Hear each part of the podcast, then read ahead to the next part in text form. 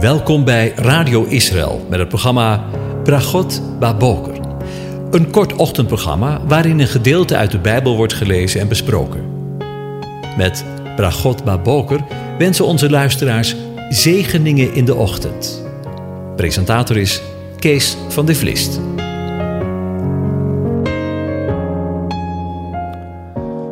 Hartelijk welkom weer, beste luisteraars. Vanmorgen gaan we opnieuw verder met Psalm 45. Dus voor de vierde keer. En ik lees het aan u voor. Bruiloftslied. Een onderwijzing, een lied over de liefde. Voor de koorleider van de zonen van Korach.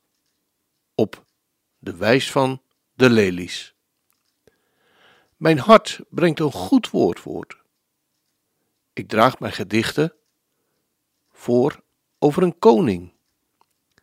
Mijn tong is een pen van een vaardige schrijver. U bent veel mooier dan de andere mensenkinderen. Genade is op uw lippen uitgeschoten. Daarom heeft God u voor eeuwig gezegend. God uw zwaard aan de heup, o held. Het zwaard van uw majesteit en uw glorie. Rijdt voorspoedig uit in uw glorie, op het woord van waarheid, zachtmoedigheid en gerechtigheid. Uw rechterhand zal u ontzagwekkende daden leren, uw pijlen zijn scherp. Ze treffen het hart van de vijanden van de koning, volken zullen onder u vallen. Uw troon, o God, bestaat in eeuwigheid en altijd. De scepter van uw koninkrijk is een scepter van rechtvaardigheid. U hebt gerechtigheid lief en haat goddeloosheid. Daarom heeft uw God u gezalfd, o God, met vreugdeolie, boven uw metgezellen. Al uw kleding geurt van mirre en aloë en kaneel, wanneer u uit de ivoren paleizen komt, waar men u verblijdt. Koningsdochters zijn onder uw voorname vrouwen. De koningin staat aan uw rechterhand in het fijne goud van Ophir. Luister, dochter, en zie, en neig uw oor.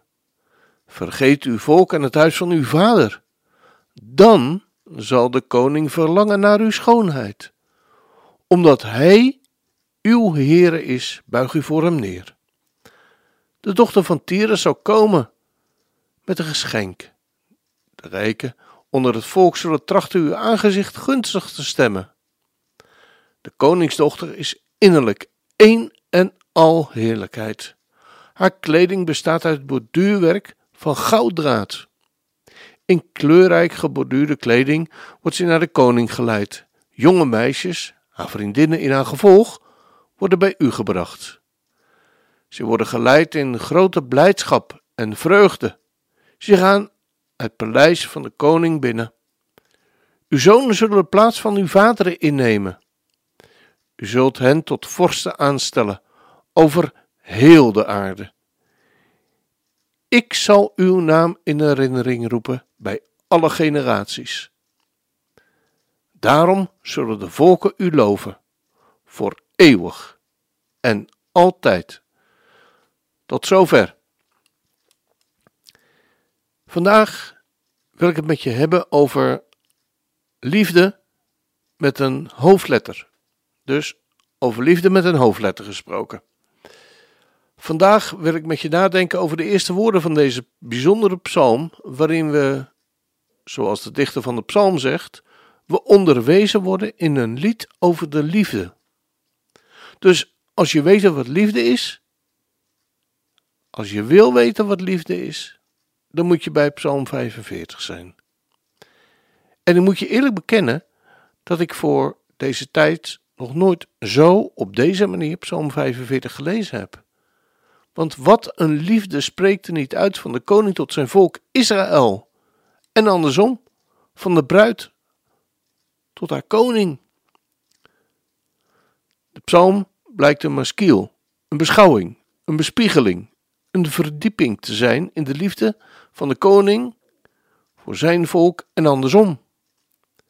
Met andere woorden, we mogen in deze psalm recht in het hart van de koning zien.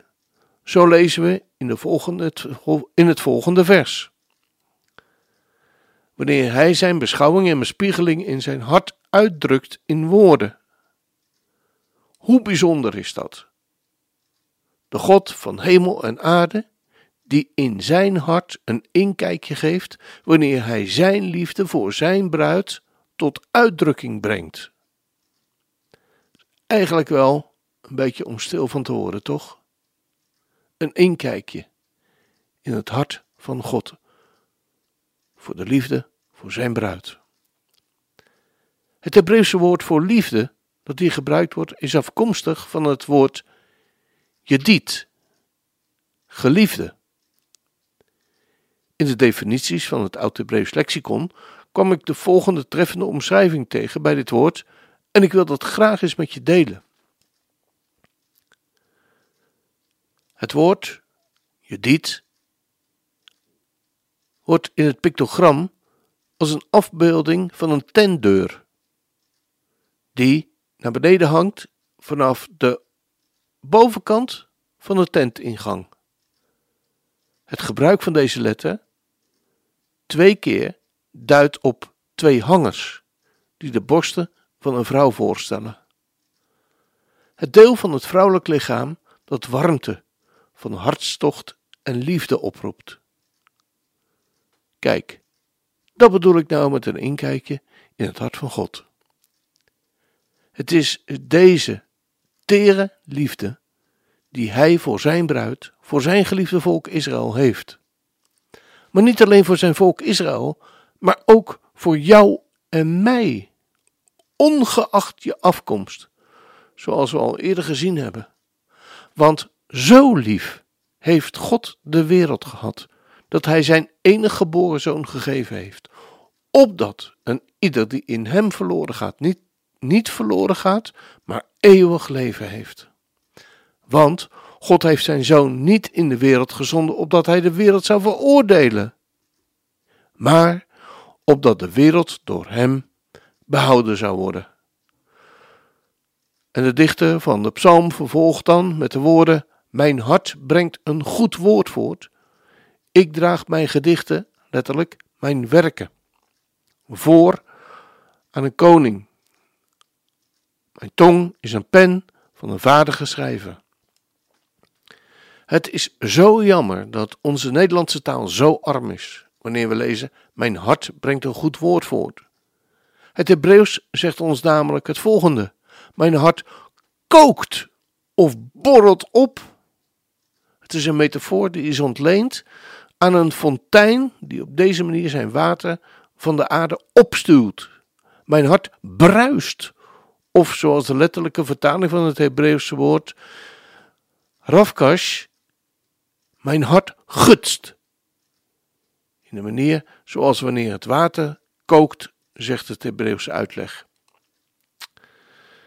Wat is het dan toch een ongelooflijk mooi beeld, zo bezien met alle eerbied gesproken, het hart van de koning van de hemel en aarde, over liefde voor zijn volk. Maar dat niet alleen voor zijn volk, maar ook voor jou, u en mij persoonlijk. Zijn hart bruist als een fontein. Als dat geen zegen is, in het vervolg hoop ik dat wanneer ik het water zie koken in de pan, wanneer ik de eitjes kook, dat ik ook zal denken aan de liefde van de Heere God, die Hij voor zijn volk heeft, maar ook voor jou en mij persoonlijk. We sluiten deze uitzending af met het nummer van Joshua Aaron. There is none like you. Er is niemand gelijk aan u. Het nummer bezingt de niet te evenare grootheid van onze en misschien ook wel van jou, dat hoop ik, dat bid ik, van jou, Messias. U bent degene die de razende storm kalmeert, zegt het lied. Degene die over de zee loopt. De aarde en de hemel zijn van u. En toch, toch waakt u over mij. Hoe majestueus is uw naam. Er is niemand zoals u. Samen verkondigen we de kracht van uw naam, omdat er niemand is als u. Wie kan er voor uw troon staan? Uw koninkrijk zal voor altijd regeren. We zullen een loflied zingen aan de oude vandaag, omdat er niemand is zoals u. Er is niemand zoals u. Samen verkondigen we de kracht van uw naam, omdat er niemand is als u. Er is niemand zoals u, omdat er niemand is zoals u. Samen verkondigen we de kracht van uw naam, omdat er niemand is zoals u. Hoe majestueus is uw naam op de hele aarde. We gaan luisteren naar het lied. Aaron Schust. Welcome to Jerusalem, brother.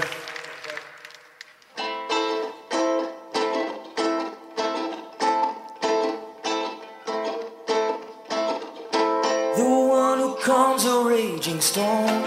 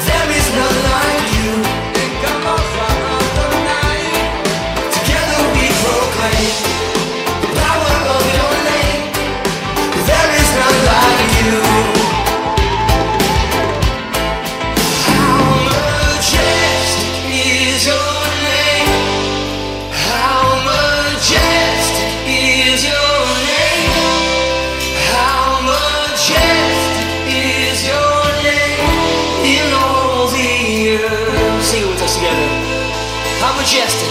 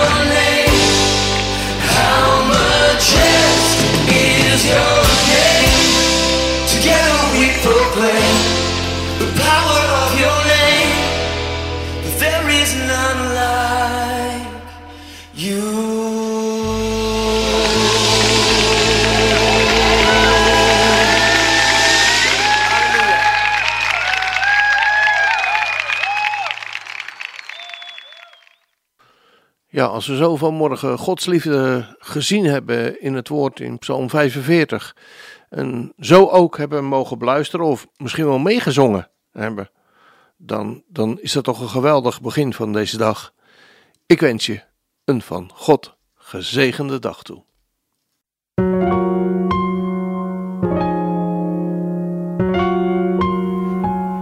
U hebt geluisterd naar het programma Bragot Baboker.